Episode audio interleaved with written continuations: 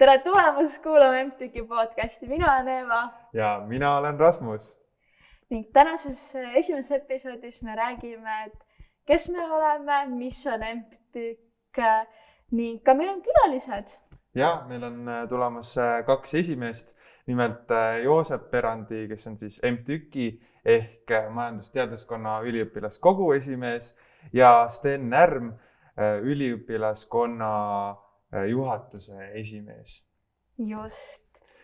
aga jah, räägime alustuseks natukene, kuidas meil MTÜK-iga side tekkis. just, mina liitusin MTÜK-iga septembrist mm. -hmm. ja nüüd tuleb välja, et ma olen järsku turundusjuht seal turundusjuht, no kes oleks osanud arvata, kas sa oleksid osanud arvata seda, kui sa sügisel MTÜK-i tulid? ei, ei oleks või nagu just nagu ma avastasin võimaluse, et nagu, et mul on nii palju võimalusi, mida MTÜK-is teha mm -hmm. nagu mm -hmm. ja kõik üritused ja kõik fun pool on ka väga-väga-väga lahe. just, no mina sain MTÜK-iga tuttavaks äh, avalöögi orienteerumisel, äh, mis on selline äge üritus, mis tehakse äh, iga, iga aasta siis õppeaasta alguses uutele tudengitele ja, ja see ongi orienteerumine siin meie selle linnaku peal ja, ja see oli nagu väga äge ja siis noh, MTÜK oli ka seal väljas oma, oma, äh, oma stand'iga ja, ja, ja sealt juba olid esimene, noh,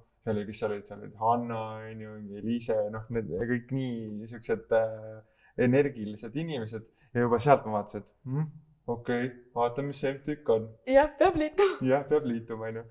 ja, ja siis tuli infoõhtu, onju infot oli väga lahe. noh, väga äge, et, et seal sai igast, noh, seal sai nagu päriselt aru äh, noh, seda peretunnetust ja seda nagu hoolivust, mis, mis meil siin MTÜK-is on.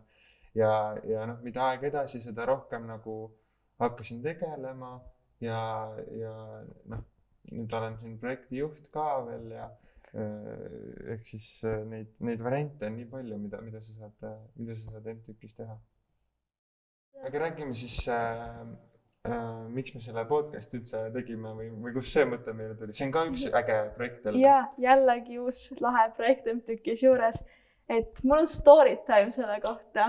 mul on story time. no kuulame äh,. minu sõbrannad teevad alati nalja, et Eva, et sa õpid ärindust, et äh, mida ärindus tähendab, et nagu, et kas ärindus on lihtsalt nagu tehingud, et teed tehinguid, saad rikkaks, et nad kuulsid äh, ükspäev mingit ka podcast'i, et aga nad ei saanud midagi aru nagu, sest nad ei ole majandusinimesed ise ja siis äh, oligi nagu nii-öelda see väljund, mida nemad said, oli, et tee tehinguid, saa rikkaks.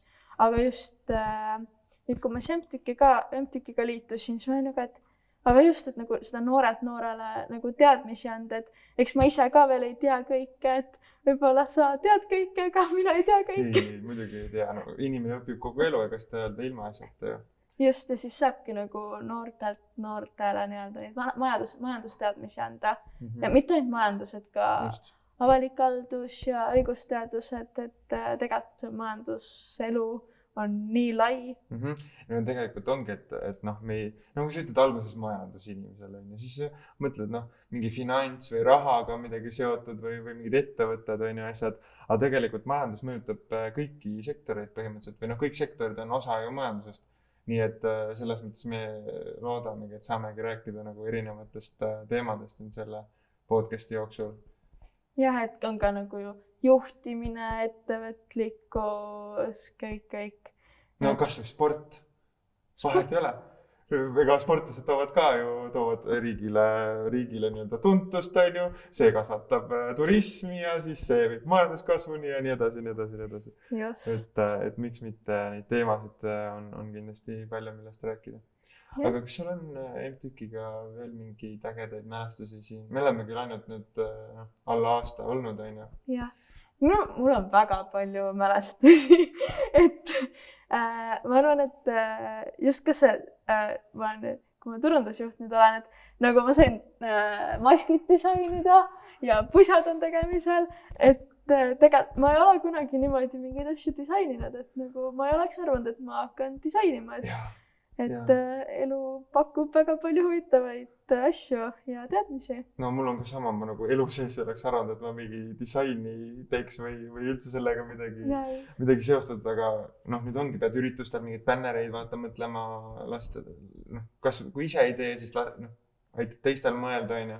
et selles suhtes nagu neid väljakutseid on, on päris palju. aga seda fun osa on ka olnud ja nagu,, ja, kuigi noh, praegu on koroona, et nii palju ei ole, et arvutis ei saa nii Jaa, palju jaa. fun olla, aga meil on need challenge'id, et me teeme, nüüd on kätega võrdluste challenge oli just, et, et noh, kuidas sul ihas on siis? kuule jah, ma loodan, et äh, mul läheb hästi seal, sest et noh, me salvestame enne, onju. aga, aga, aga jah, need challenge'id on, on, on kindlasti väga huvitavad. ja, ja noh, veel fun'i osa pealt meil on igast chill'id onju. meil oli jõulu, jõuluchill, käisime vanalinnas äh,, äh, tripisime seal ringi, tegime mingi ka mingit orienteerumist seal onju. Äh, või siis äh, aasta alguses oli Minionite ja Padide chill. Meil See on see ja Padide süsteem, vaata onju. et, et uued siis tudengid tulevad ja siis, siis, siis vanemad nagu, vanemad olijad. van-, vanad olid, vanad olijad, vanad. kalad näitavad, näitavad nagu asjad ette, kuidas käib noh, sihuke chill ja sihuke mõnus vastuvõtmine. ja ma arvangi, on ju aeg kutsuda meie külalised. just, Joosep ja Sten juba vaikselt ootavad. varsti siis räägime nendega Äh, ja me tahame veel kindlasti tänada Vektorit, et me saame nende ruumides olla ja filmida enda podcast'i ning lisaks ka Filmiklubi, kes meil on kaamerate taga praegu.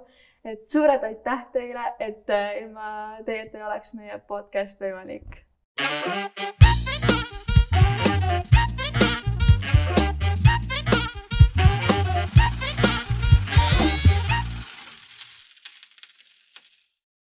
Tere tulemast tagasi, meil on nüüd külas äh, meie ägedad külalised. Sten Närm ja Joosep Perandi. nii, me hakkame kohe teid küsimustega pommitama, et kõigepealt rääkige, et äh, kes te olete ja, ja siis tutvustage ennast, et äh, kuulaja saaks ka teada, et kes meil siin istuvad. ma võin alustada. Kõigepealt tervist ka minu poolt, mina olen siis Joosep Perandi, nagu enne mainitud, mina olen MTÜK-i esimees. olen sellel positsioonil olnud eelmisest juunist saadik ja lõpetan selle positsiooni selle maikuu jooksul, et äh, minu tegevus on hõlmanud väga palju meie ürituste äh, korraldamise toetusega äh, juhatuse liikmete tegevuse koordineerimisega planeerin ka ise ürituse ja üritan aktiivne olla äh,. selles suhtes minu poolt kõik, Sten. ja tervitus ka minu poolt, mina olen Sten ja mina olen üks äh, mõnus kutt Sakust, kes äh, sattus Tehnikaülikooli õppima informaatikat ning nüüd äh, aasta ja ma ütleks vist kuus või seitse päeva tagasi alustasin oma tegevust siis üliõpilasesinduses, kuhu mind valiti üliõpilaskonna juhatuse esimeheks.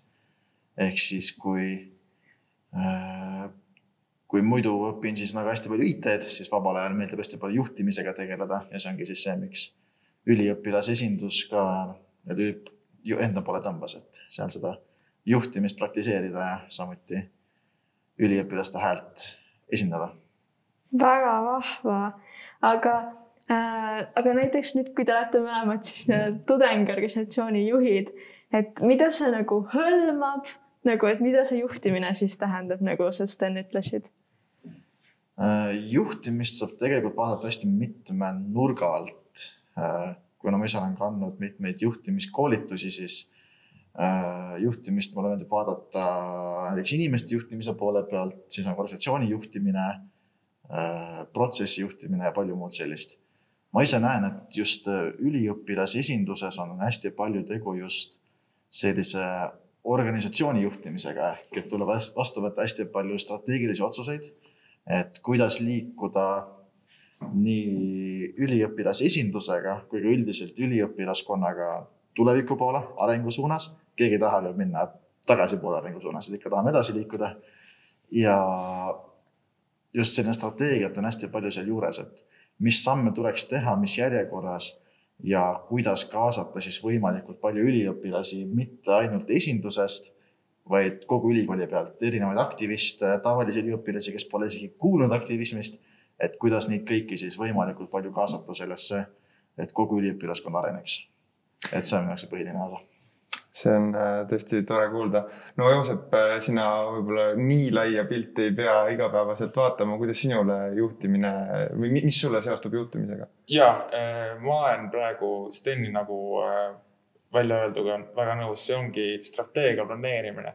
aga kui me räägime juhtimisest ja, ja juhatuse esimeheks olemisest, siis see äh, mina ütleks, et ei tähenda lihtsalt seda suurt juhti ja õpetajat, kes kamandab teisi, mis võib väljaspoolt tunduda. et äh, mina olen siit selleks, et see organisatsioon toimiks, mina olen see tugiisik, kes toetab oma juhatuse liikmeid, organisatsiooni liikmeid, suunan neid äh,, mõtlen välja tegevusi, aga, aga ma ei ole see, kes kamandab, ma olen see, kes toetab seda tegevust. Mm. -hmm, ma olen väga nõus sellega noh, ma rääkisin, et ma olen ka projektijuht siin äh, mõnel asjal ja ma olen ka nõus, et see on, ongi see koostöö inimestega, et see ei, ei ole ainult see, et, et ma nüüd ütlen nii ja nii kõik peavad tegema, onju. et tegelikult see on väga õige, mis räägitakse igal pool koolis ja õpikutes ja mujal. aga võib-olla siis natukene nii-öelda sellest ajaloost, et äh, kui te tulite esimese kursuse tudengina kõigepealt siis TalTechi, et, et siis nagu, et kust te alustasite või et kuidas nagu nüüd te järsku olete nagu esimehed? minu jaoks oli algus natuke varem, kui Joosepil oli. Äh, mina tulin Tehnikaülikooli kahe tuhande seitsmeteistkümnenda aasta sügisel ehk siis nüüd on mul lõppemas neljas aasta ülikoolis kohe alguses ma liitusin oma vanema venna eeskujul Best Estoniaga ehk siis mul oli kohe nagu tahtmine teha tunneaktivismi, sest see oli asi, mida ma gümnaasiumis natukene proovisin, aga nagu mitte liiga hullult. ja nüüd tahtsin PAS sisse minna lihtsalt.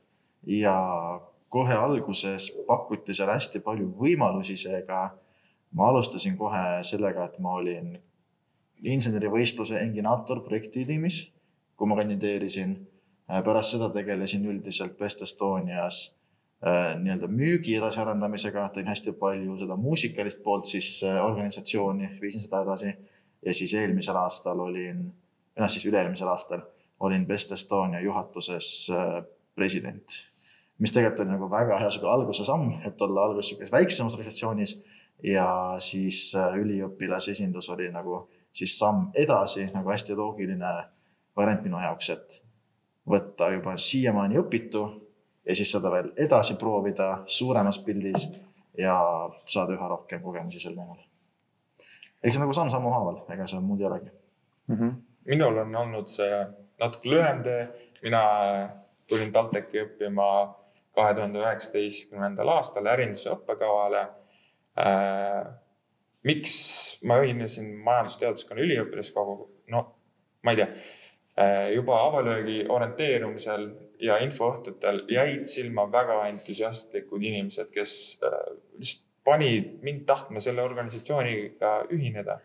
lisaks sellele olid mul äh, paar tuttavat juba selles organisatsioonis, näiteks meie MTÜK-i eelmine esimees Markus Tiigimäe, olin temaga varaselt tuttav ja täitsa, täitsa hästi saime läbi. see mõjutas mind kindlasti ja siin selles organisatsioonis tööd tehes, nendel üritustel olemisel ma tundsin seda kambavaimu. Ma tundsin, et siin on väga potentsia-, potentsiaalikad inimesed. et äh, ma tahaks uskuda, et äh, need aktiivsed inimesed, kes näiteks MTÜK-is on või üldse tudengiorganisatsioonides, kes on natuke aktiivsemad kui äh, lihtsalt koolipinki nühkides ja siis koju minnes nende tulevik on ka helgem, sest nad võtavad äh, selle aja teha midagi ekstra, anda endast midagi juurde või arendada ennast mingil moel, mida pole ette kirjutatud kuskil. ja nähes seda potentsiaali, mind väga ahvatles selle juhatuse esimehe positsioon, ja ma tahtsin anda enda panuse sellesse, kuidas see organisatsioon näeb tulevikus välja, kuidas me oma tööd korraldame ja, ja ma tahtsin saavutada äh, korda saata midagi ägedat mm. -hmm, väga äge, aga räägime natukene MTÜK-ist ja üliõpilasesindusest ja ka võib-olla muudest orgidest natuke täpsemalt. üldiselt tudengiaktivismist. Äh, mina küsiksin sellise küsimuse, et, et mis on, Joosep, siis mis on MTÜK-i äh, põhilised sellised äh, ülesanded või, või kas meil on mingid üritused või, või kuidas sa üldse kirjeldaksid seda MTÜK-i tööd? MTÜK esindab TalTech majandusteaduskonna üliõpilasi. me pakume lisandväärtust tavapärasele õppetööle, korraldame erinevaid äh, üritusi ja kui on äh, vaja inimesi mingitesse otsustuskogudesse, siis me anname ka oma kui äh, majandusteaduskonna tudengite hääle. ja üritame meie koolielu sellega paremaks muuta väga ilus äh, selline kirjeldus täpselt. Joosepist saab poliitik. jah, suur, suur võimalus on. nagu, nagu mainisime, siis majandus ei ole ainult raha, on ju, ja finants, vaid, vaid ka muud. Äh, tõesti, majandusteaduskonnas on ka ju avalik haldus mm, -hmm. õigus, mis ei äh, keskendu lihtsalt rahale ja just, selle investeerimisele. nii et meil on häid poliitikuid ka. aga Sten kuidas, kuidas sina ÜE tegevusi kirjeldaksid? üliõpilasesindus on äh, natuke teistsugune kui enamik tudengiorgid, sellepärast et nagu enamikes tudengiorgides on võimalik lihtsalt äh, täita sisseastumisavaldus ja olemas saad liige. Äh, üliõpilasesinduses on meil suhteliselt kindlad positsioonid ja kui üks neist vabaneb, siis me otsime sinna kohe uue inimese asemele. ja üldiselt kogu üliõpilasesinduse nii-öelda personal on põiminud selle ümber, et millega siis nii-öelda üliõpilaskonna juhatus peab üldiselt tegelema. et meil need põhilised kolm valdkonda on siis esiteks üliõpilaste esindamine ehk siis nende õiguste esindamine ja nende kommunikeerimine seoses sellega, et mis parasjagu toimub ülikooli juhtimistasandil. teine pool on tudengielu eestvedamine ja kolmas pool on äh, haridusliku poole arendamine ehk siis kuidas meie ülikoolis kõrgharidust võimalikult palju paremaks muuta. ja selle jaoks ongi meil siis üliõpilaskonna juhatuse kolm liiget, kes on nende valdkondade eestvedajad ja ülejäänud personal on siis äh, tekkinudki just selle põhjal meie ümber, et milliseid väiksemaid ülesandeid on igapäevaselt vaja teha, et kõiki neid ülesandeid täide viia. mis valdkonnad need on siis, et sa oled esimees, et kes veel on? Äh, mina olen esimees, siis põhiline see tudengite õiguste esindaja, esindamise eestvedaja.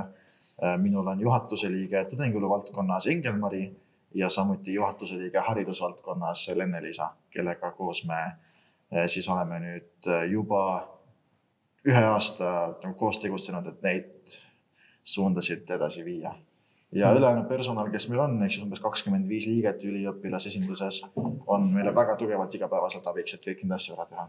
et nemad teevad nii turundust, üritusi, koordineerivad äh, erinevaid organisatsioone, äh, tegelevad äh, näiteks meil on Julius Tipika maskott on eraldi positsiooni ühes, eks ole. et meil on väga palju vahvaid asju, mida saab teha mm. -hmm. väga põnev äh,. aga Joosep, mis, mis on äh, üliõpilasesindusest äh, või üliõpilasesinduse juhtimisest äh, erinev äh, MTÜK-is või, või mis valdkonnad seal on?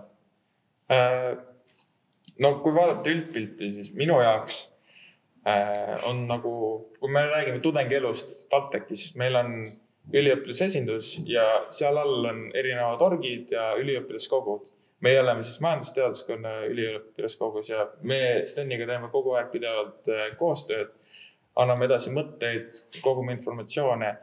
aga kui rääkida MTÜK-i spetsiifiliselt, siis meil on juhatuses viis positsiooni, mina olen esimees, aga lisaks sellele meil on noh, siinsamas meie kallis Eeva, MTÜK-i turundus- ja kommunikatsioonijuht, siis meil on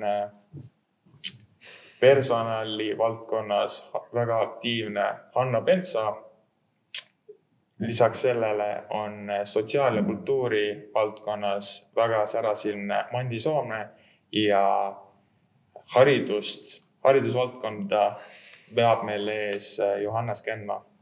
et äh, kui rääkida nendest valdkondadest spetsiifiliselt, siis noh, Eeva meil vastutab ürituste ja meie üliõpilaskogu turunduse, turundamise eest ja suhtluse, mis on noh, iseenesestmõistetav. Sotsiaal ja kultuur räägib siis äh, üritustest teiste üliõpilaskogudega või majandus, äh, teaduskonna tudengitega või üldiselt nagu kõik see, mis peegeldub üliõpilaskogu enda liikmetest väljapoole.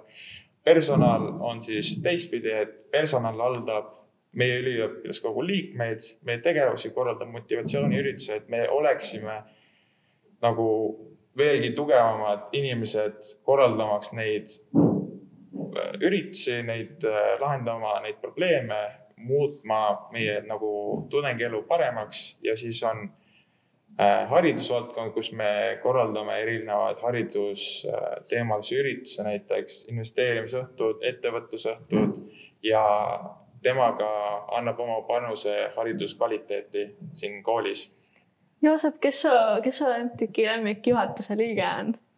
Eh, kas ma ennast võin siia nimetada ei, ma ei hakka oota, mis muljet sa tahad jätta? ma ei hakka seda välja jätama okei okay,, no väga aus, aga kui, kui, kui Joosepile sa sellise küsimuse juba esitasid, siis äh, ma esitaks äh, Stenile ka sarnase küsimuse mm. -hmm. et, ähm, et võib-olla mitte isikute põhiselt, aga, aga organisatsioonide põhiselt. et kes on sinu, kas sul on enda lemmikorganisatsioon TalTechis? Aiglin mina ütlen hetkel kindlasti minu lemmikorganisatsioon on üliõpilasesindus, sellepärast et ma olen sinna pannud juba üle terve aasta oma nii-öelda panust ja aega, et seda organisatsiooni arendada. mul on seal praegu kõige lähedasemad suhted oma juhatuse liikmetega, teiste inimestega, üliõpilastega, kes seal tegutsevad. ja tegelikult, kui enamikes orgides on meil üheaastased mandaadid, siis äh, minul esimehena on kaheaastane mandaat, ehk siis mul on, seisab veel ees terve üks aasta esimehena tegutsemist, mis tähendab, et oleme alles poole peal ja ma usun, et Äh, üliõpilasesinduses saab veel palju tehtud selle ühe aastaga, mis ees on Mm -hmm. väga selline poliitiline vastus. jah, poliitiliselt, ütleme nii, et sa oled ka harjutanud seda aastate jooksul siin onju. ja vahel on ikka vaja, kui tulevad siuksed riskiküsimused. ma tean, sa tahtsid MTÜK öelda lihtsalt. ja, no tegelikult me kõik kolm teame. ma ei pea siin nagu varjama midagi. Stenile meeldib Best, sest seal on temal ajalugu ikkagi no seal on mul kolm aastat tegutsemist selja taga tõepoolest mm. -hmm. aga, aga noh, okei okay., ütleme nii, et sulle meeldivad kõik, sulle, sa ütlesid, et sulle meeldib üliõpilasesindus.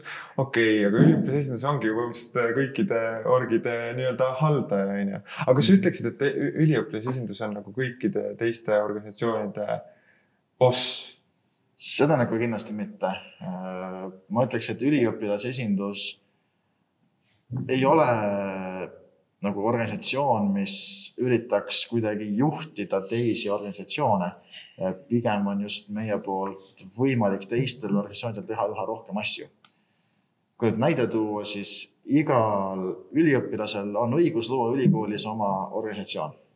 ja samuti on tal nagu täiesti vaba valik, kas ta teeb selle iseseisvalt või ta siis teeb selle koostöös üliõpilasesindusega, et lihtsalt saada sealt meie poolt mingisuguseid boonuseid näiteks meil on ka siin ülikoolis organisatsioone, kes isegi ei olegi meiega seotud, näiteks investeerimisklubi, kes siin Mektoris tegeleb. et nemad on täielikult siin Mektori baasil, aga enamik organisatsioone ikkagi tegutseb üliõpilasel seal just sellepärast, et me anname võimalusi ju kandideerida projektikonkursil, et rohkem raha saada, kellele raha ei meeldiks, onju. ja samuti ma ütleks, et kõik need võrgustumised ja need üritused, kus saame kõik koos kokku tulla et see tekitab äh, organisatsioonides kindlasti sellist ühtekuuluvustunnet ja see on see, mis on suur boonus siis, kui äh, just tegutseda meiega üheskoos. ma siis testiks su teadmisi ka kohe, et mitu organisatsiooni on TalTechis, tudengiorganisatsiooni siis? ma ei ole kindel, kas see number on hetkel õige, aga ma pakun, et ta võiks olla kakskümmend üheksa. see on päris palju mina tegelikult ei tea, mul tekkis see küsimus lihtsalt praegu mõeldes. kakskümmend üheksa või? Äh, ma hetkel pakun jah, ma peast ei mäleta, sellega tegeleb rohkem juhatuse liige tudengide valdkonnas. ja, ja, aga ma mõtlen, et kakskümmend üheksa kõlab nagu väga palju. Mhm. aga meil ongi tegelikult, meil on ju väga palju erinevaid valdkondi, mis on mis on kaetud ja, ja noh, põhimõtteliselt igaüks leiab endale midagi, midagi, millega tegeleda. no esiteks, meil on väga hea kool. väga head õpilased, kes, kes leiavad ka aega muudeks tegevusteks. Mhm. tõsi, tõsi, sest- on kui me hiljuti tegime uuesti nii-öelda andmete kogumist, siis tegelikult tuli välja, et mis oli ligi kaks tuhat üliõpilast ülikoolist on vist äh, organiseerunud ja tegutsevad aktiivselt kaasa, nii et äh, Mhm. see on, see on. see on päris, Päris päris, hea. mingi kümme protsenti vist või mis ta on mm. -hmm. see on jah lahe, et meil sellised nagu võimalused on. ma näiteks ei suutnud alguses, kui ma tulin, ma teadsin, ma tahan MTÜK-i minna, siis ma nagu, aa, ma tahan sinna minna, ma tahan sinna minna, sinna, sinna, Mhm. sinna. aga kakskümmend neli tundi on päevas, ma ei jõua rohkem lihtsalt., mul oli ka see nagu, et, et et kuhu nagu igale poole tahaks minna, kõike tahaks teha, ma ei tea, kuidas teil oli, aga, aga, aga jah, lõpuks tuli mingi otsus teha. ja ma käisin vist kõik infoõhtud nagu äh,, ma ei tea, ma käisin ikka mingi viiel infoõhtul või? Mm. ma olin alati kohal lihtsalt, ma nagu, ma tulen, ma tulen vaatama, ma tulen vaatama, et see oli väga see vahva. kirjaküsimus, kas käisid erinevate kohtade infotutel või MTÜK-i omal viis korda? meil vist ei olnud MTÜK-il, meil oli ainult kaks, Kaks tükki, aga kusjuures teisel ma juba mõtlesin, et oo läheks uuesti. ja ei, ma ma kuulsin vaata esimeses, ma ei saanud esimesel minna. Ja siis ma kuulsin juba mingeid jutte, et oh, mingeid üliägedaid asju tehti seal onju. Ja siis ma olin nagu, kurat, ma tahan ka minna onju ja siis ikka teisele, teisele sain õnneks minna, nii et äh, siis sain oma selle doosi sealt kätte nii-öelda. ja sest mina käisin, ma tean, ma käisin Pestil äh,, turundusklubi omal, siis ka äh, kultuuriklubi oma ja MTÜK-i omal ja midagi oli veel. ma ei tule praegu meelde. No vot, kui nüüd on kakskümmend üheksa, siis on raske meeles pidada, kus sa käisid juba või kus sa ei käinud onju. aga noh, tundub, et siis MTÜK-il vedas, et nad sinu endale said. ja veel tõesti vedas. vedas, te jätsite hea, mul jäi hea mulje MTÜK-ist, nii et äh, no nii et nagu tahtsin ma enne tulla. ma nägin siin organisatsioonis potentsiaali ja see potentsiaal on äh, välja löönud ja on olnud kasumlik. just. aga mis, mis on MTÜK-i ja üliõpilasesinduse nagu erinevused võib-olla, mis on kõige, kõige suuremad erinevused? no ma ütleks, et äh, siin Sten juba rääkis, et neil on kolmepealine juhatus, siis justkui need tugiinimesed, kuidas sa nimetasid, personal. personal. meil on juhatus ja põhimõtteliselt nii palju liikmeid, kui nagu meiega ühinema tahavad, kõik, kes majandusteaduskonnas tahavad natuke aktiivsemad olla, neil on võimalus meiega ühineda, et me ei piira seda arvu. kes nendest natuke aktiivsemad tahavad olla, kes äh, üritusi korraldavad või mingeid probleeme lahendavad, see on juba iseasi. aga meil, meil on äh, uksed äh, avatud kõikidele majandusteaduskonna tudengitele. ehk siis MTÜK-i ma võin minna täiesti põhimõtteliselt vabalt, vaatan, kas teen seal midagi või ei tee seal midagi, aga, aga ÜES-e ma päris nii lihtsalt vist ei saa, jah? Äh, täpselt nii, ÜÜS on äh, nagu selleks, et saada ÜÜS-sse, peab jälgima meie nii-öelda Julius Tipikas Facebooki, Instagrami lehelt, et millal vabaneb mõni positsioon. ja kui vabaneb, siis hakkame, hakkame hästi aktiivselt spämmima, et jõu kandideerige, meil on uus positsioon lahti, vaata, et tahame liigetundide juurde saada. Ja protsess näeb välja selline, et kandideerid, tuleb meile koha peale, et teha intervjuu ja siis äh, meie valdkonna juhid siis valivad enda arvates kõige parema isiku, kes sinna positsioonile sobib. aga Sten, ja kas esinduskogu on ka üliõpilase esinduse osa? see on väga hea küsimus tegelikult ja vastus on see, et tegelikult esinduskogu kind of nagu kontrollib ja suunitleb ü- üliõpilasesinduse tööd selle poole pealt, et esinduskogu on see, kes valib üliõpilaskonna juhatuse ja juhatus on omakorda see, kes enda ümber koondab personali. seega nagu kaudselt esinduskogu tõepoolest nagu oleks üliõpilasesinduse boss, aga samas tegu on just nagu sellise otsused vastu võtva organisatsiooniga ja üliõpilasesindus on niisugune täideviiv organisatsioon, kes äh, nagu võtab äh, EK poolt antud nagu soovitused, suunitlused ja viib neid siis ellu. sa ennem mainisid, et äh, kui positsioon vabaneb, et siis tuled vestlusele ja pead kandideerima, et aga kuidas saada valituks, et näiteks kui Rasmus nüüd tahaks minna, kui positsioon vabaneb ja Rasmus tahab nii väga minna, et mis Rasmus selleks tegema peab mm? -hmm see on üldiselt sarnane äh, protsess, olenemata positsioonist, et tuleb kindlasti kaasa seal motivatsioonikiirid, CV, värgid, särgid, noh nagu ikka ka no, näiteks ka projektidele kandideerides, kui on tavalised organisatsioonid. aga kuidas saada valitsus, kuidas jääda silma, on see kõige tähtsam osa.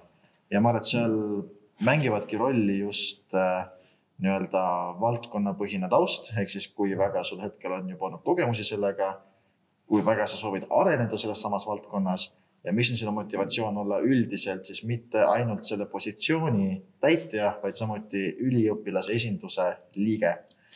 et mis on sinu motivatsioon olla osa sellest kogukonnast ja sellest nii-öelda väiksest perekonnast, kus me kõik koos tegutseme selle nimel, et üliõpilaskonda paremaks muuta. Mhm. ja samuti noh, üldine silmajäävus on ka alati see, mis annab plusspunkte no nagu ikka, aga, aga Joosep, äh, noh, MTÜK-i kandideerima otseselt ei pea, on ju, aga mis võiks olla need äh, boonuspunktid või, või, või kuidas sa, kuidas sa müüd äh, meie organisatsiooni uutele inimestele maha ja kas uusi inimesi tuleb piisavalt juurde? kui vaadata viimast aastat, siis jah, uusi inimesi tuli piisavalt juurde, meil on äh, olnud erakordselt hea aasta, meil tuli väga-väga palju uusi ja väga entusiastlikke liikmeid, näiteks äh, kaks neist istuvad minu ees siin äh,. kui me, me räägime boonuspunktidest äh,. sul ei ole mingeid kohustusi olla MTÜK-is, lihtsalt äh, põhimõtteliselt, kas sa oled meiega või sa ei ole. ja meiega olles sa saad osa heast seltskonnast, sul tekib võimalus osaleda erinevatel motivatsiooniüritustel, väljasõitudel, arendada üksteist. ja lisaks, nagu ma ennem ütlesin, ma usun, et äh, aktiivsed inimesed on perspektiivikad. sa saad kokku nende perspektiivikate inimestega, mõelda välja uusi nagu ideid taktikaid, mida koolist väljaspool ellu viia, oma ettevõtte luua, mis iganes äh,. jah. ja tegelikult needsamad inimesed, kellega tudengiaktivismi ajal koos neid asju teha, on ka ju need, kellega sa tulevikus on sul potentsiaalselt nagu kõige lähedasemad suhted, sellepärast et nad on samasuguse tahtmisega anda endast üha rohkem ja teha asju üha paremini ja võtta Äh, nii-öelda võimalustest maksimum, et äh, iseennast ja samuti inimesi enda ümber arendada nii palju kui võimalik mm. -hmm. et need on nagu väga head inimesed, kellega äh, nagu ka tulevikus koos tegutseda mm. -hmm. kontaktidest saame kindlasti veel rääkida. aga, aga Sten, ma küsiks veel sulle follow-up'iks siin, et kas noh MTÜK-i tulevad inimesed ise aktiivseid asju tegema, on ju. aga kas üliõpilasesinduse juhatusse või, või üliõpilasesindusse on äh, raske inimesi leida ja kas sa pead palju moosima inimesi, et äh, uutele kohtadele või vabadele kohtadele siis äh, inimesi leida?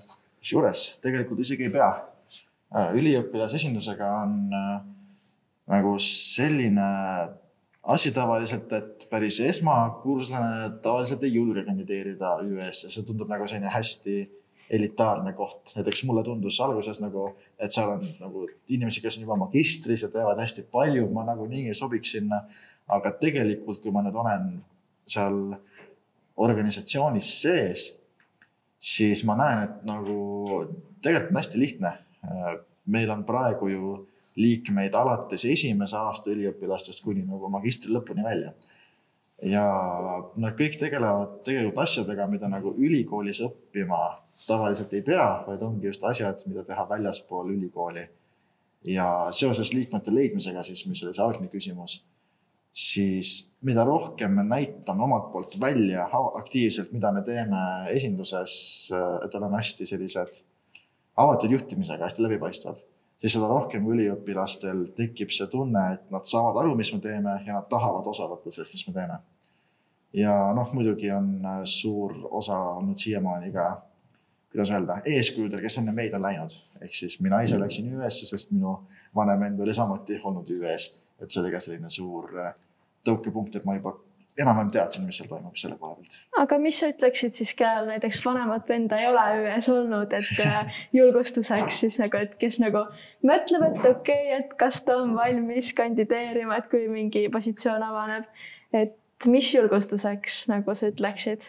ausalt öeldes, kui tundub huvitav, siis kandideeri. kui tundub huvitav, aga ei ole päris kindel, küsi praeguse inimese käest, nagu meil on väga sõbralikud liikmed, kindlasti tulevad nagu abiks ja räägivad läbi, et mis nad teevad. küsi üle, mis seal toimub, saad rohkem teada. tundub huvitav, kandideeri. ehk siis tegelikult meil on hästi lahedad inimesed ja väga lihtne on sisse sulanduda ja kõik nagu positsiooniga kaasnev kas ära õppida või siis lihtsalt nagu võtta omaks. ja see käib tegelikult kõikide organisatsioonide kohta et et noh, meil oli samamoodi, et, et äh, talvel olid nii-öelda uued valimised, on ju. ja siis ma mäletan ka, et ikka, ikka noh, sihuke noh, ei tea, et kas tahaks minna või ei tahaks minna, aga siis, siis nagu iseenesest juba juhtud rääkima vanemate nii-öelda olijatega. ja, ja nemad juba vaikselt nagu moosivad sind, vaata, siis mõtled mmm,, päris äge, vaata, et võiks proovida. ja ma ka ei mõelnud ju, et või noh, alguses ma nagu mm, tahaks kandideerida turundusjuhiks, aga samas mul ei ole ju kogemust, ma ei oska, et just ongi see nagu koht, kus õppida nii-öelda, et ma arvan, et nüüd paari kuuga ma olen nagu täiega uusi asju õppinud just nagu ka juhtimise osas, et nagu, et äh, lihtsalt tee, kui meeldib. mina usun, et eh, see kõige suurem allikas, miks minna mingile positsioonile, on see, kuidas äh, seal positsioonil tööd tehakse. kui seal on vägev inimene, kes korraldab asju, tal on kirev elu ja ta on nagu tõesti vaatad, et voh, see on äge koht, kus olla, siis see on juba üks suur motivaator, et äh, siin panen südamele kõikidel sellistel positsioonidel olevatele isikutele, näidake, mis te teete, olge, tehke oma tööd hästi ja tulevased põlvkonnad tulevad järgi. sada protsenti nõus.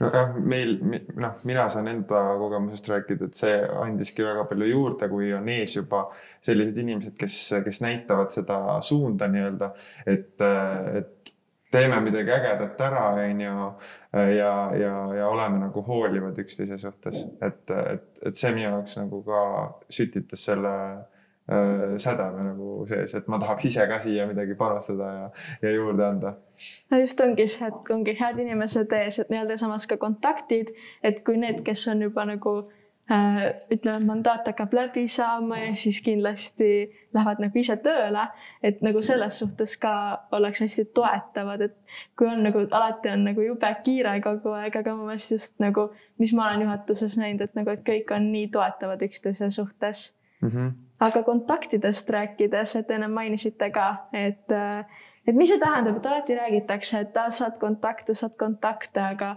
aga kuidas ja miks ja miks see hea on? no näiteks te siin podcast'i jooksul olete kindlasti aru saanud, et kui äge mees Sten Härman. just, noh, mina ei oleks äh, teda nagu tundma õppinud, kui ma ei oleks tulnud üliõpilaskogu juhatusse. ma mäletan, saime esimest korda rääkima äh, aktivistide väljasõidul Suvel. äh, suvel augustis ja siis äh, arutasime, rääkisime ja kui on, kui semester algas, erinevad üritused vajasid korraldamist. mul oli olemas inimene, kelle poole pöörduda, infot vahetada ja, ja nagu tegelikult ma ütleks, meie koostöö on täitsa edukalt äh, sujunud. nagu nii edukalt, et panete isegi match ivad nagu riided. me isegi ei pidanud selle peale mõtlema. täpselt, ei ma just Nägin. mõtlesin enne, enne episoodi nägin, et te tulite nagu samade nende roosade, roosas värvis ja siis ma mõtlesin, et mis asja, kuidas see võimalik on, et esimestel raudselt on mingi, mingi andmebaas, kus te suhtlete omavahel, vaata mingi aga telepaatia. äkki ongi, et esimeste värv on roosa, kas Mhm. see on nüüd ametlik, kas see on ametlik, see on mingi uus slogan kuskil. esimeste andmebaas jääb, jääb nagu natuke sala, saladuseks. pärast siis kindlasti seda lahkama ei hakka, Seda ei aga see hakka võib-olla on, võib-olla ei ole. selge, selge. küsimus ja aga vastus. Sten, mis, mis kontaktid sul on olnud? ma olen tegelikult kohe selle Joosepi mõttega väga nõus, et kui sa aktiivselt püüad inimestega suhelda, siis äh, tegelikult toobki sulle need nii-öelda kontaktid, mida sa võib-olla otsid või loodad, et tuleksid selle nii-öelda tudengiaktivismi jooksul, sest kui Joosep poleks mind kutsunud esimestel kordadel lihtsalt MTÜK-i kontorisse chill ima või rääkima mingil erinevatel teemadel, mis on seotud aktivismiga, siis me polekski hakanud nagu nii aktiivselt suhtlema omavahel ja meil koostöö ei oleks pooltki nii hea. omalt poolt, kui mõelda kontaktide poole, mis mina olen saanud, siis üliõpilase esinduses olles ma hästi palju suhtlen erinevate tudengivõrgide juhtidega nagu Joosepiga, samuti ka teistega, kes ülikoolis tegutsevad varasemalt ma nii palju sellega kokku ei puutunud, aga ma ütleks kõige lahedamaid kontakte ma olen kindlasti saanud ülikooli juhtkonnast. sellepärast, et ma poleks kordagi arvanud poolteist aastat tagasi, et ma saan äh, nagu ülikooli rektoriga koos äh, olla koosolekutel, teha koostööd äh,, vahetult suvistel väljasõitudel lihtsalt nautida aega ja äh, nii-öelda koos niisama juttu rääkida. samuti teiste nii-öelda rektoraadi liikmetega, et et hästi lahe on see, kui, kui sa ise näitad, et sa tahad asju teha, siis mitte ainult nagu teiste üliõpilaste poolt, aga ka ülikooli juhtide poolt tuleb nagu selline kohe vastukaja, et noh, lahe, et sa teed, tule tee koos meiega ja siis me saame kõik koos arendada seda rahvat kohta, mis meil siin on ja selle käigus tekivadki need kontaktid mm. -hmm. ja see nagu võimendab veel seda enam, on ju, et, et Täpselt. kui sulle antakse seda positiivset tagasisidet, et, et siis tahaks nagu veel rohkem uute inimestega rääkida, et, et kes, kes nagu alguses võib-olla noh, ma ise ka noh, näiteks mulle ei meeldinud helistada inimestele, on ju, mm. või, või, või, või, või ka uute inimestega kohtuda, on ju, et, et siis see kindlasti nagu aitab äh, tudengiorganisatsioonis olles ja noh, minul on ka väga ägedaid äh, kogemusi olnud, noh me saime siin äh, laulu koos kirjutada, mm. onju. Äh, ma olen lambist esimese aasta tudeng, onju. MTÜK-ist täiesti tavaline liige ja siis ma olen äh, üliõpilaskonna juhatuse esimehega, onju. kirjutan laulu koos näiteks, et, et siuksed ägedad variandid ja noh, MTÜK-i sisesed muidugi ka. sa tahaksid välja tuua, mis laulust jutt käib? jaa, kas meil tuleb laulupaus? kas meil tuleb laulupaus? ma arvan, et kes kes tahab, siis leiavad Rasmus Kalep väike promo ka siia, aga, aga jah, ei, me tegime majandusteadus, ei, oli majandusteadus, jah, majandusteaduskonna äh, talvistele lõpetajatele, siis tegime lõpulaulu ja, ja see oli väga äge kogemus. Ma arvan ka, et isegi kuigi praegu on koroonaaeg, et, et isegi nagu ma olen nagu turundusjuhi positsioonis nagu need äh, tutvused saanud, et nagu teaduskonnaga just rääkides, et kõik turundusspetsialistid, kes seal on, kõik, kui meil on vaja näiteks promovideot salvestasime, et sealt teaduskonnaga läbi rääkida, et nagu tegelikult isegi nagu koroona ajal saad nagu tutvuseid, mis nagu muidu oleks ju nagu noh, koroona pärsiks seda, et äh, ma arvan, et äh, mu nimede list mu ajus nii-öelda, keda ma kõik tean, et see on väga palju tegelikult kasvanud. ma arvan, et tutvuste, tutvuste poolest on äh, hästi tähtis ka see, kui nii-öelda need kogenumad ja juba kõrgematel positsioonidel olevad aktivistid annavad endast ka panuse selleks, et tuua nii-öelda tavalisi üliõpilasi ja näiteks kas mingisuguseid suuremaid aktiviste või kasvõi ülikooli juhte kokku, sest ega need nagu muidu need äh, kokkusaamised niisama ei juhtu. mul hästi vahva näide oligi siis, kui oli seesama väljasõit, millest Joosep rääkis ja mul oli väga hea võimalus kutsuda meie rektor Tiit Land sinna väljasõidule, et samuti tulla kohale, rääkida aktivistidega. ja tänu sellele ma ütleks äh, äh, nii meie aktivistid said nagu hästi palju sellist äh, enesehinnangut juurde, et nad teadsid, et ülikool väärtustab seda, mis nad teevad ja samuti tegelikult ka ma usun, et meie rektor sai nagu parem ülevaate sellest, et mis meil aktivismis toimub. ja nii-öelda selliseid erinevate inimeste kokkutoomisi võiks tegelikult isegi nagu veel rohkem teha, et mitte, et igaüks peab ise endale otsima need nagu kontaktid üles, vaid kui sul on võimalus viia inimesed kokku, miks mitte. võib-olla mitte praegu koroona ajal, aga pärast seda kindlasti. aga siis räägime koroonast juba, sest nagu kellele ei meeldiks koroonast rääkida. et kuidas praegu nagu siis nagu nii-öelda tudengielu toimub nagu koroona ajal, et, et me peame ju tegelikult äh, distantsilt õppima ja et kõik on arvutites, et kuidas nagu tudengielu elus hoida mm,? esiteks ütleks, et äh, see on väga raske. et äh, üks äge asi ülikoolist on inimestega koos viibimine, suhtlemine ja nagu see eraldatus, see pärsib seda. aga noh, samas äh, tekivad ka uued lahendused. see, kuidas meie kool on toonud sisse see e-õpe, see on väga hästi arenenud. lisaks see, et meil praegu toimub MTÜK podcast, seda kaks aastat tagasi, selle peale ei oleks mõelnudki. aga praegune aeg lihtsalt soosib selliseid tegevusi ma arvan, et, et sellest esimesest poolest semestrist, mis meil oli, siis esimese semestri pool äh,, mis me saime koolis käia, oli ka kindlasti väga palju kasu.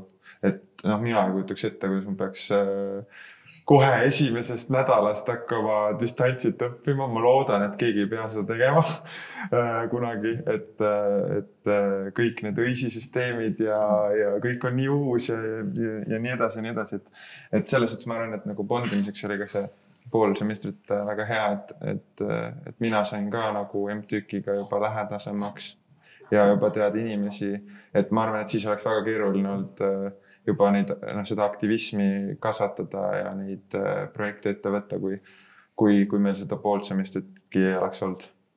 just, aga kuidas ÜÜ-s praegu koroona ajal siis asjad toimivad? ÜÜ-s tegelikult toimuvad nad täitsa hästi, ma ütleks Äh, suuremad valdkonnad, mis meil just kannatavad, ongi ürituste valdkond, kus meil on jäänud ära nii dekritseremoonia äh, kui ka nüüd siis tahtsime teha uuele esinduskogu mandaadile väljasõidu. Aga üldiselt nagu ülejäänud asjad kõik töötavad, koosolekud kolisid kõik kenasti Teamsi, nagu kõik tunnid ka kogu ülikoolis, eks ole. ja ma et üldiselt on asi täitsa okei okay., kõige suurem ongi just puudujääk ongi minu arust, nagu Joosep mainis, need inimsuhted, mis sa koha pealt saad, kus inimestega näost näkku kokku saad. mis on üks asi, mida ma olen näinud koroona ajal hästi palju prooviti, oligi see, et tehti organisatsiooni poolt üliõpilastele ja aktivistidele hästi palju selliseid variante, et oh, tule vaata seda, tule kuula seda. mis tegelikult on nagu lahe variant, aga mul on tunne, mida üliõpilased nagu otsivad, ongi just interaktiivsus see, et neil on tunne, et nemad saavad midagi, nemad saavad nii-öelda vastu anda või siis küsida, saavad nagu sellist kahepoolset suhtlust, mitte ainult ühepoolset. ühepoolset suhtlust saad sa loengust ka nagunii, ehk siis miks sa tahaksid õhtul veel midagi minna niisama vaatama või kuulama, kui sa sellest nagu väga tugevalt huvi ei paku. Ehk siis nagu need äh, orgid, kes on mõelnud välja, et kuidas teha asju interaktiivsemaks, et nendel ongi nüüd äh,, kuidas öelda, elu jätkunud aktiivsemalt ka kui, kui teistel mm. -hmm nojah, minu arust on ka nagu see inimestega suhtlemine on hästi oluline ja kui ma ülikooli tulin, siis ma lootsingi, et, et nüüd on uued kontaktid, uued inimesed, uued tegemised, saab hästi aktiivselt alustada ja siis noh, juhtus see, onju. aga äh, kas sul ei ole uusi kontakte, uusi inimesi? just tahtsin jõuda selleni, et äh, kui sa oled ise aktiivne ja, ja, ja, ja teed ja push'id ja, ja otsid neid võimalusi siis, äh, siis need kontaktid ja tegemised tulevad, äh, tulevad nii, niikuinii iseenesest. paraku on niimoodi, et tuleb aktsepteerida uue reaalsusega, mida mm -hmm. kiiremini ja mida efektiivsemalt sa seda teed, seda paremini äh, sinu tegevus jätkub mm. -hmm. aga kuidas, kuidas sellisel raskel ajal olla aktiivne Äh, ja võib-olla luua siis neid uusi kontakte ja, ja, ja hoida olemasolevaid suhteid. ma toon kohe hea näite. Äh, loengutes ma võtan praegu ainet nimega kasutajaliidlased, kus on äh, isegi üllatavalt hästi loengutes ja praksides nii-öelda õppejõu ja üliõpilaste suhtlus. Aga alati just need üliõpilased, kes kõige rohkem seal sõna võtavad ja kõige rohkem kaasa räägivad nemad on need, kellega mina mõtlen, noh, temaga ma tahaks tiimis olla, kui mingi grupitöö tuleb, temaga ma tahaks asju koos teha. ja ma arvan, et see ongi nagu hästi suur võti, ongi just see välja näidata, et sa tunned huvi, et sa oled aktiivne, sa tahad saada rohkem kui lihtsalt kuulates ja nii-öelda infot sisse immutades. Ehk siis see, sa ise oled natuke aktiivsem, see tähendab seda, et sa jääd teistele meelde ja teised tulevad hiljem juba julgemalt ise sinu juurde. Aga näiteks, kui oleks äh, nii-öelda selline olukord, et näiteks, et sügisest äh, koroona ikka möllab, et äh,, et kuidas siis nagu, et isegi ütleme, et ma nüüd tulen TalTechi õppima, ma tahaks olla täiega aktiivne, aga ma ei oska nagu kuskilt alustada, et, et kuidas siis nagu neid suhteid luua ja kuidas nagu, kuidas siis nagu tudengiellu olla kaasatud? pääseb sulle mõtteid? see on väga raske küsimus, mida me ka arutasime aasta tagasi, sest kui me mõtleme, siis oli paraku isegi veel hullem. Äh, praegu on mingid äh, piirangud leebemad, aga mingit üldist perfektset lahendust seal ei ole, seal on lihtsalt, äh, kui efektiivselt sa kolid meie tegevused, meie võimalused netikeskkonda ja kui efektiivselt sa suudad need edasi anda uutele potentsiaalsetele tudengitele, aga sealt ka tahaks loota, et seesama podcast, mida me siin teeme, et see, selle leviala on suurem kui lihtsalt meie orgi või meie kooli tudengitele, vaid see jõuab ka potentsiaalsetele uutele õppijatele, kes on praegu alles gümnaasiumipingis. lisaks tahaks väga kiita meie kooli üldturundust, kes äh, on kokku panemas üliägedaid infopäevi, kes äh, eelmine aasta, kui oli see suur kriis, lihtsalt ei jätnud äh, tuimalt lõpetamist ära, sest see on ikkagi eriline hetk iga tudengi jaoks. Nad leidsid võimaluse, viisid seda netikeskkonda ja tegid seda nii efektiivselt kui võimalikult Äh, mõne jaoks ei ole samaväärne kui see, mis kohal olles ja, ja eks ta ei saagi olla. aga me anname endast parima ja loodame, loodame parimat. ja tegelikult nüüd on ka ju kohe ongi tulemas äh, avatud uste päevad meil meie ülikoolis, mis on ka kõik veebi teel tehtud. ja kui vastates siis täpsemalt su küsimusele siis kui sa oled uus üliõpilane, kes tuleb ülikooli, kas nüüd sügisel, võib-olla järgmisel kevadel, mis iganes, siis kui sa paned tähele kusagil mõnda aktiivset üliõpilast, kas kuskil ekraani peal mingi avatud ustepäeva klipis, mis iganes, siis lihtsalt nagu teadmiseks, et need on need üliõpilased, kes mitte lihtsalt ei ole kuskil uhkelt ekraani peal, on ju, vaid nad tegelikult ka tunnevad huvi selle vastu, et aktivism oleks nagu olemas ja nendele võib alati kirjutada, sest nemad alati ka aitavad ja alati saab nendelt äh, kas äh, noh, kõige vähem, väiksem variant on see, et saad infot nendelt ja parim variant on see, et saad omale kohe väga hea esimese kontakti, esimese sõbra ülikoolis just, et kui me, me oleme, kui oleks koolis, siis nii-öelda see algus, et meil on ju tuutorid ka mm, -hmm. et ma praegu osalen ka tuutorkoolitusel ja siis meil on sügisel need kollased särgid seljas oh, ja siis, äh, siis teab, et märgatakse, et nagu need on need inimesed, kelle käest võib küsida. et kas teil on alati ise ka tuutorid või näiteks Sten, sa oled? mina kollase särgi asemel kannan punast pusa, mis on üliõpilase esinduse pusa. ja siis mina ise tuutor ei ole, et mul Äh, mina siis äh, tegelen üliõpilaste kaasamisega aktivismi just läbi üliõpilasesinduse. Väga, väga nice. aga me oleme nüüd rääkinud sellest äh, pikalt, et, et tudeng, kes tuleb organisatsiooni, peaks olema aktiivne ja kui sa oled aktiivne, siis sa saad, saad kontakte ja, ja, ja siis tulevad need tegevused ka ise. aga mida üks, mida siis nii-öelda teie organisatsioonid või meie organisatsioonid äh, tudengile pakuvad? või mis on see vastu, mitte vastuteene, ma ei tahaks öelda, aga, aga võib-olla jah, nagu mingi lisaboonus või äh,? üks asi, mida ma äh, kasut-, üks fraas õigemini, mida ma kasutasin uute tudengite värbamisel oli see, et äh, kui sul on mingi hea mõte äh,, mingi unistus, mis vajab täidesaatmist, siis tule meiega me aitame sulle seal täide viia ja me anname sulle need vahendid, need inimesed, kellega koos see edukalt korda saata. Kui sa tahad teha midagi, tõesti teha midagi ägedat, siis see on see koht. pluss äh, igast projekti juhtimise asjad saab ju CV-sse panna. see on äh, kindlasti suur pluss minu arust.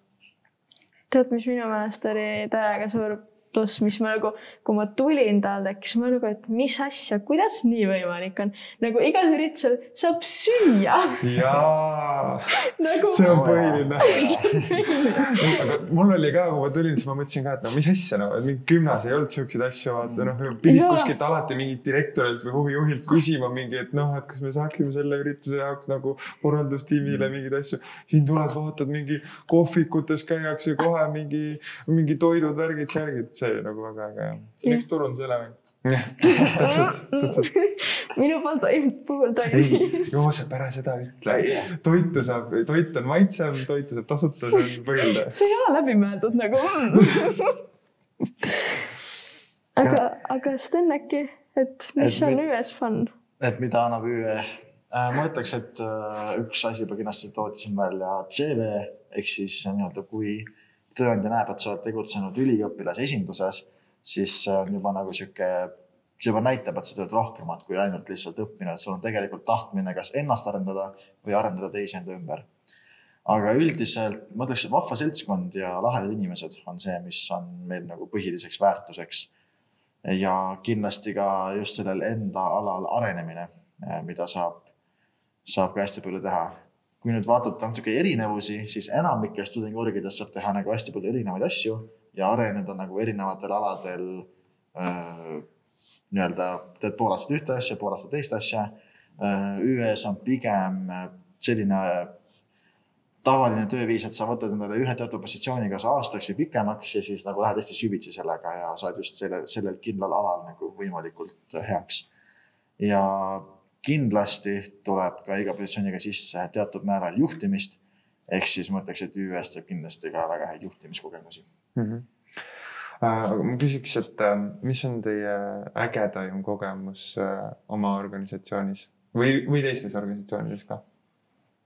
kõige ägedam kogemus uh,. Mhm. kas ägedam kogemus mingi mälestus või, või, või on üleüldiselt?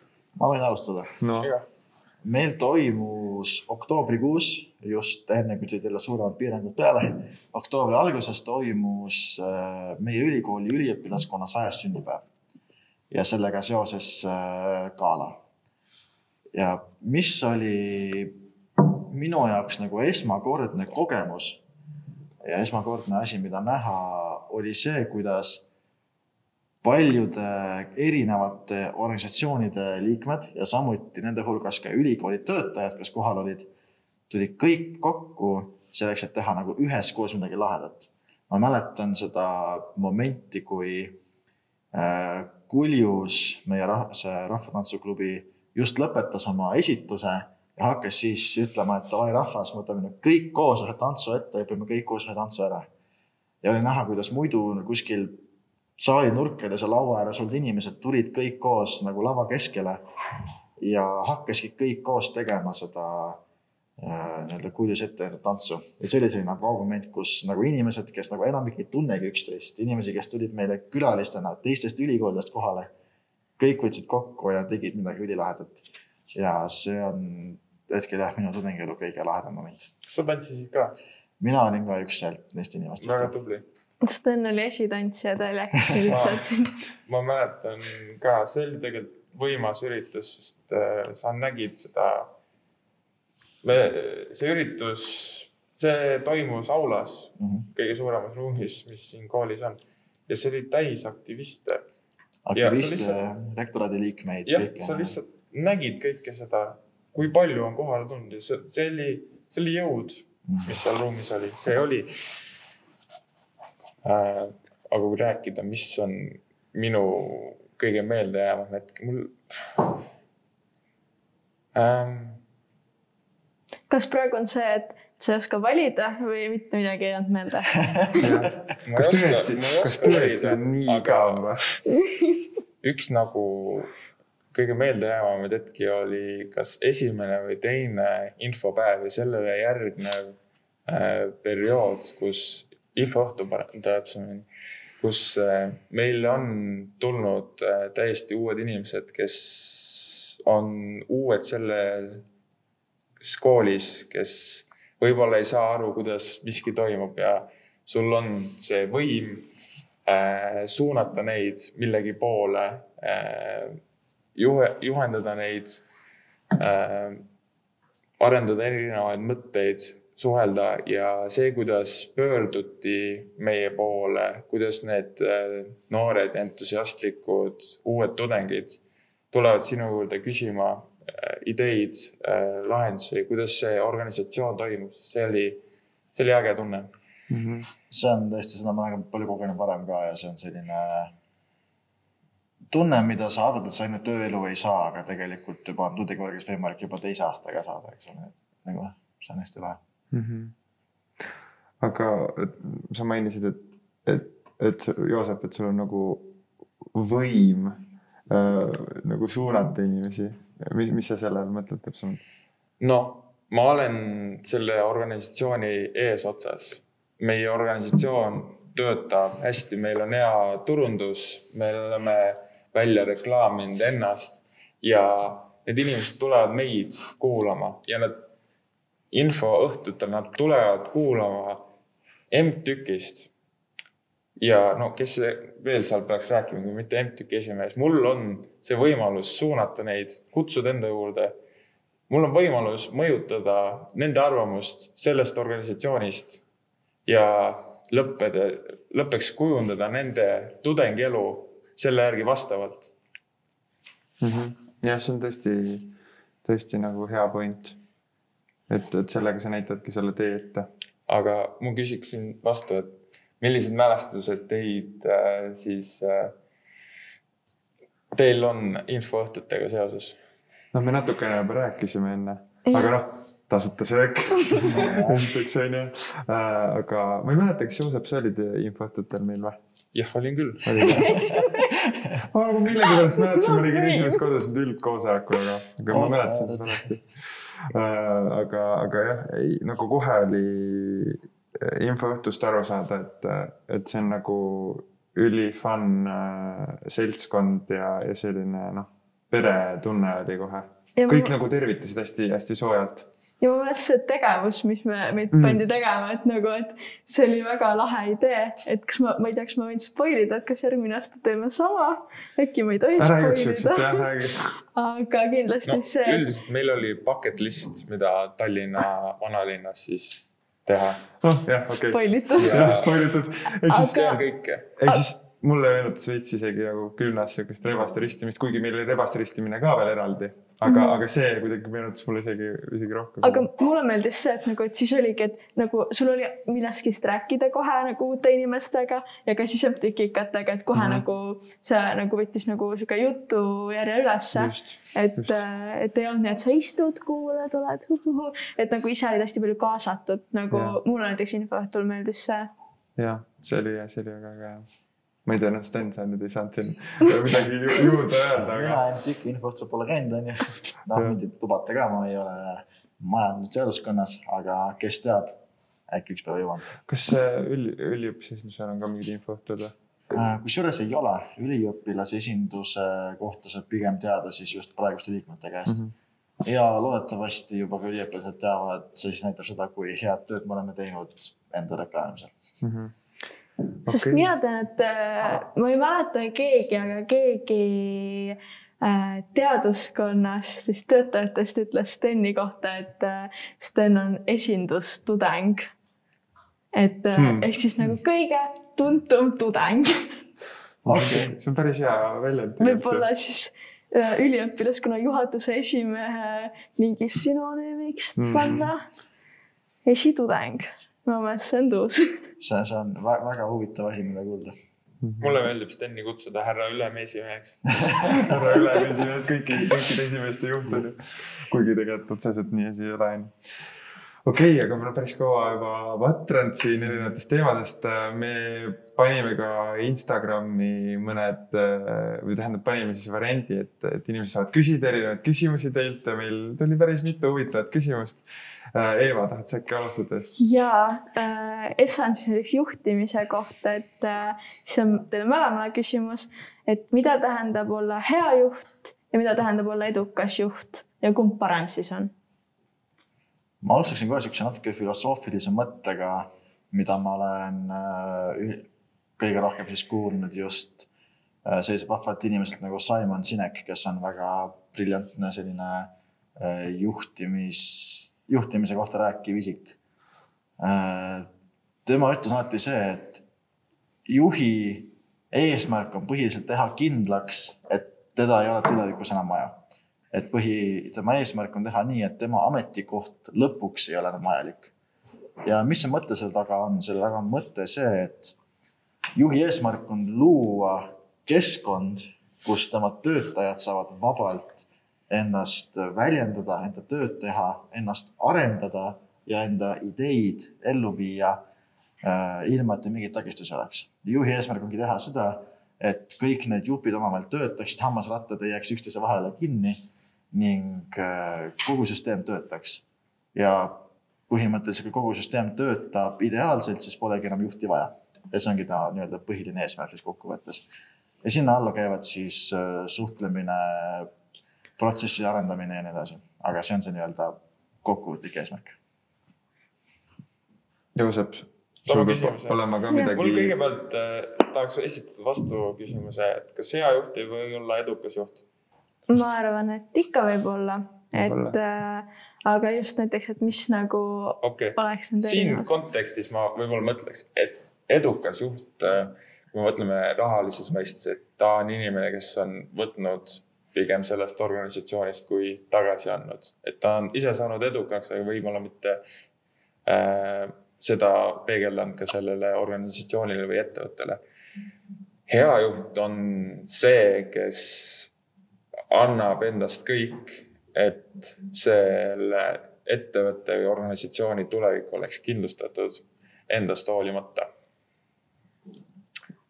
jällegi väga hästi poliitiliselt korrektselt vastatud, mis ma oskan öelda. aga samas Aga- ma nõustun sada protsenti taaskord. nagu ei saa Aga- vastu ka öelda midagi. just, et aga kumb te olete, kas te olete edukas või hea? aga ma küsin sinult, kas ma olen edukas või hea ei, vasta sina, vasta ise kõigepealt. See on, ma ei tahaks öelda, et ma oleks äh, edukas juht, sest kui me vaatame, ma ei, ma olen küll MTÜK-i juhatuse esimees, aga ma ei teeni sellega elatist, et ära elada. ma olen siin selleks, et seda organisatsiooni, selle tegevust parandada ja, ja koordineerida neid inimesi. ma tahaks arvata, et ma olen pigem hea kui edukas ma tegelikult vastaks sarnaselt, aga ma natuke ise defineerin edukat juhti nagu teistmoodi, kui siin Joosep välja tõi. minu jaoks edukas juht on keegi, kes pigem on keskendunud numbritele ja sellele, kuidas kasvab organisatsioon ning hea juht on see, kes keskendub sellele, kuidas kasvavad inimesed organisatsiooni sees. Ja selle poole pealt ma ise tunnen ka, et ma olen pigem hea kui edukas, sest minu jaoks alati tähtsamad on inimesed, kes tegelevad organisatsioonis, kui siis nagu nii-öelda üldiselt numbrite kasv või midagi sellist. see on huvitav, et te, et te nagu edukust sellisest äh, nurgast nagu vaatate, sest no asi jaoks- on kontekstis Jah.. see Jah, küsimus asi- on niimoodi esitatud mm. -hmm. üks, üks variant peab olema halb. kuidas Tõsi. hea saab olla halb? tõsi, hea ei saa olla halb, onju. trikiga raske küsimused lihtsalt. jah jah, aga väga-väga tore, et te niimoodi lahti suutsite mõtestada kohe selle. nii, me natuke juba rääkisime sellest, aga kas äh, tudengi elu on praegusel ajal pausil?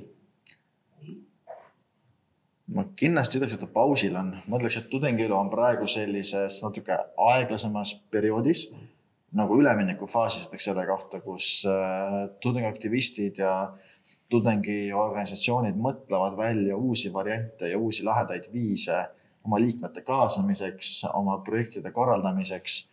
aga keegi pole veel jõudnud nagu sellise nagu hea lahenduseni, mis töötaks sada protsenti kindlalt, sest tuletage meelde, meil ei ole juhtideks mitte nagu suured kogenud äh, kõrgharidusega inimesed, vaid me oleme ise ka alles tudengid, kes teevad oma nagu täiskohaga õppimise kõrvalt aktivismi. Ja keeruline on selle kõrvalt kohe niimoodi välja mõelda töötavaid lahendusi. aga nagu väga lahedaid näiteid on ka, näiteks seesama MTÜK-i podcast on juba väga hea näide sellest, kuidas te tegite nagu oma sammu sinnapoole, et äh, olla rohkem siis nagu veebi teel kättesaadav meil toimus just märtsikuus ka Võti tulevikku, mis on ka meil tudengite poolt korraldatud, mis oli ka täielikult veebi teel. et see oli nagu hästi lahe näha sellist adapteerumist praeguste aegadega ja samuti mitmed teised äh, orgid, kes korraldavad oma üritusi või võistlusi just veebi teel. aga noh, taaskord me areneme sellel teel ja usun, et tulevikus on võimalik teha siis üritusi nii kohapeal kui ka veebi teel. okei okay,, aga veits sa nagu puudutasid seda, et noh, et äh, käite koolis ja siis teete kooli kõrvalt seda, et palju siis vabaks ajaks nagu aega jääb ja mis te teete vabal ajal? Äh, kõik oleneb sellest, kuidas sa oled oma prioriteedid paika pannud. ma ütlen ausalt, minu koolitööd jäid natuke tahaplaanile, kui ma astusin sellesse positsiooni MTÜK-i esimeheks äh,. eriti eelmise siis kaks tuhat kakskümmend sügissemestri algul, kui oli nii palju vaja korraldada, kui oli nii palju uusi liikmeid, keda nagu suunata. see oli väga-väga tegus periood. aga mida ma muidu vabal ajal teen, no äh, ma olen terve elu teinud sporti ja see on nüüd juba natuke haigus, et seda ei saa enam lõpetada. kas sport on haigus? kuidas võtta, et äh, enamik vigastused, mis tekivad, on enamasti spordivigastused. Tõsi, tõsi. et äh,. aga samas lahti ei saa, eks ole. aga samas lahti ei saa, see on nagu, see on sõltuvus mm. -hmm. see on mingi uus podcast'i teema äkki mm,. järgmise podcast'i teema, jah, just, just, just. uus haigus tekivad, tüsistused on ju. mina, mina näiteks ütleks, et see on haigus, sest kui sa ei teeks sporti, sul oleks teised mured, ma arvan aga sõltuvust võib küll tekitada mm. -hmm. jah, aga meil on selline küsimus ka tulnud, et äh, millised omadused peaksid ühel esimehel olema, kas peaksid olema? mingid omadused, omadused tal võiksid olla? kindlasti, ei tohiks olla ilma omadusteta ma olen nõus, ma olen nõus. aga kui mõelda juhtimi, nagu hea juhi omaduste peale, siis mina ise näen kohe number ühena empaatiavõime, äh, võime Äh, nii-öelda näha igat olukorda teise inimese perspektiivist. Sest kui sa oled äh, nagu juht, kelle eesmärk on näha, et inimene saaks oma asjad tehtud ja kui ta ei saa tehtud, siis on tema viga, siis sa pole mitte juht, siis sa oled mänedžer. Äh, juhi eesmärk on teha nii, et mitte tema põhifookus ei ole tulemus, vaid inimene ja seepärast on empaatiavõime hästi tähtis ja sellega kaasas käib muidugi ka suhtlemisoskus, kuulamisoskus et need on need, mis minu jaoks muudavad juhi just selliseks, et ta on pigem fokusseeritud oma inimestele kui numbritele. ma ütleks, see on väga hea, ma olen täiesti nõus. ma ütleks siia juurde ka sihikindlus. et äh, eriti kui me vaatame nagu tudengiorganisatsiooni, kus me ei saa kohustada tudengeid midagi tegema otseselt, siis ja, ja eriti praeguses raskes ajas, kus äh, meil on väga palju piiranguid. me ei saa jätkata oma nagu tudengielu nii, nagu me tahaksime, siis see juht seal eesotsas peab olema nagu see kalju, kes hoiab kurssi, üritab olla aktiivne, seda aktiivsust ka nagu edasi anda äh, teistele liikmetele, teistele juhatuse liikmetele ja nagu aidata kaasa üldiselt organisatsiooni tegevusele mm. -hmm. no jälle, me saame aru, et esimehe töö on kõik väga äge ja lahe ja, ja sada head asja käib sellega kaasas. aga mis on ausalt selle ameti pahupooled? soovid ma alustan? ma soovin, et sa alustad. kas sa tahtsid midagi vahele öelda? ja ma tahtsin öelda, et esimees on ka väga esinduslik, et ta peab oskama äh, anda häid ja poliitilisi vastuseid mm. -hmm. ja nüüd on see üks koht mm. -hmm. täpselt, pahupooled äh,. ma võin äh, ausalt öelda äh,, üliõpilase esinduse juhatuse esimehena ma osalen väga paljudel nii-öelda juhtkonna koosolekutel, et ma olen kaasatud rektorite koosolekutele, senati koosolekud äh,, samuti arengukava juhtkomitees olin ka ja on mitmeid teemasid, mis üliõpilasi ei puuduta.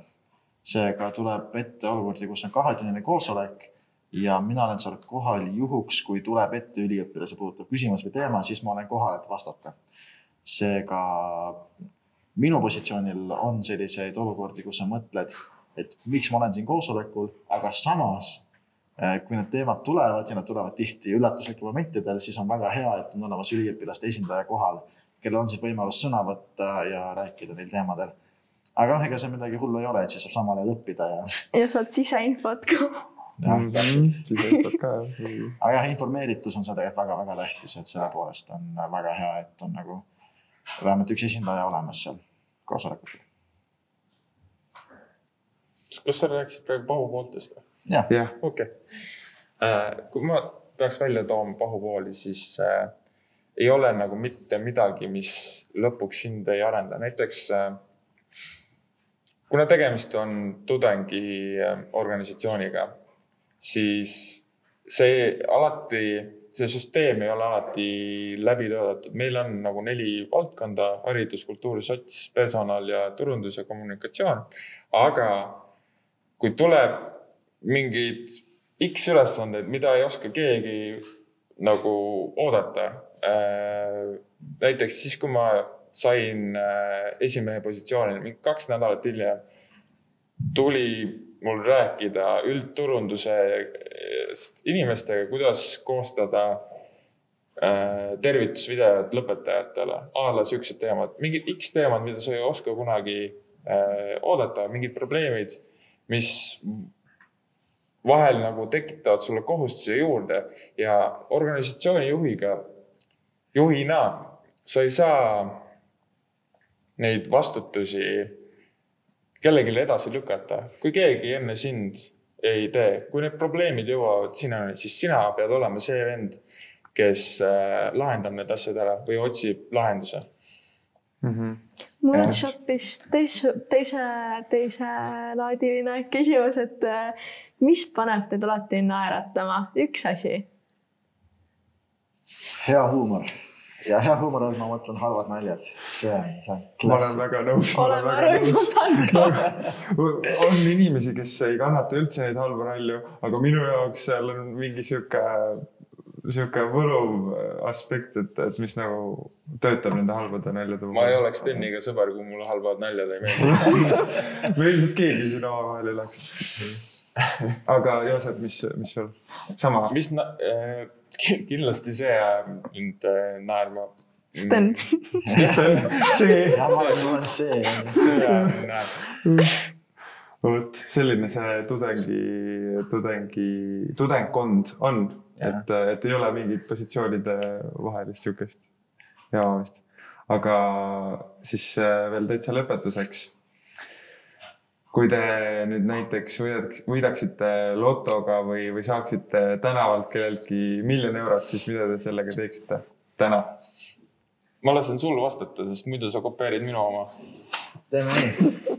vaata, siis mina ma ei kopeeri. ehk siis mina kindlasti miljon oli, eks ole, jah, ainult miljon. ainult miljon, okei nii vähe, no kurat. ma üheksasada tuhat tõenäoliselt investeeriks tõenäoliselt kinnisvarasse. kõik kinnisvarasse? no enamik sellest okei, okei, okei. sest kinnisvarasse kulub rohkem raha tegelikult kui noh, eks ma mõtleks läbi, aga enamik sellest. ja siis ülejäänud rahaga ma ilmselt äh,. Äh, kui koroona läbi, siis ma naudiksin maailma tegelikult, ma, ma olen väga reisilembeline inimene, nagu on enamik inimesed, eks ole. ja tegelikult mulle väga meeldib avastada uusi kultuure, uusi kohti ja seetõttu ma käiks reisimas ja samuti ilmselt alustaks ka juba vaikselt siis nii-öelda võimalikult iseseisva eluga. et üliõpilasena on veel vahepeal hea nad nagu vanemate turjal olla, aga siis saaks kohe selle peale edasi liikuda. Väga hea vastus, Joosep. Äh, mina kuussada tuhat investeeriks äh, umbes, ma olen suht riskialdis vend, et äh, kakskümmend viis protsenti investeeriks aktsiatesse, mille tootlikkus äh, võib olla väga kõrge, aga väga kõrge riskitasemega, siis mingi viisteist protsenti veel sihukestesse pikaaegsematesse äh, aktsiatesse ja siis otsiks erinevaid head, häid kinnisvaralahendusi selle kuue, kõik selle kuuesaja tuhande raames.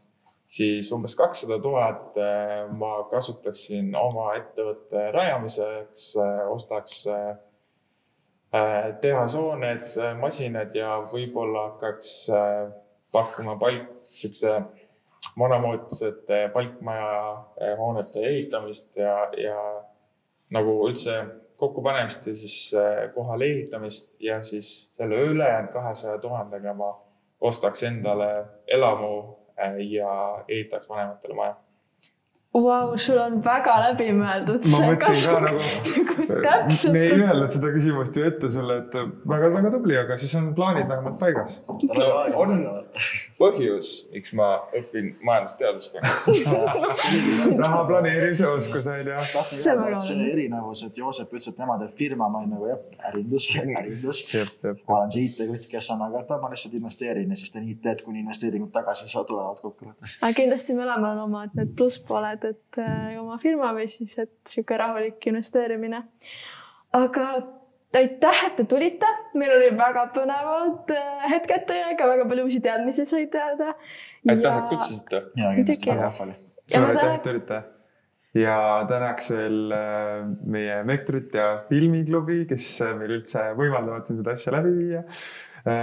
nii et Eeva, sinuga näeme jälle, teiega mitte võib-olla podcast'is, mitte veel nüüd siin lähiepisoodides, aga tulevikus kindlasti veel. ja ja kindlasti kooli peal näeme teid, kui kool läheb lahti. just, kui kooli peal näete meid, siis öelge tšau. just. tšau. käib nagu kõigile, mitte ainult siin ruumis olijatele. just, aga aitäh kuulamast, vaatamast ja, Ja- ja- tšau. järgmise korrani, tšau. tšau.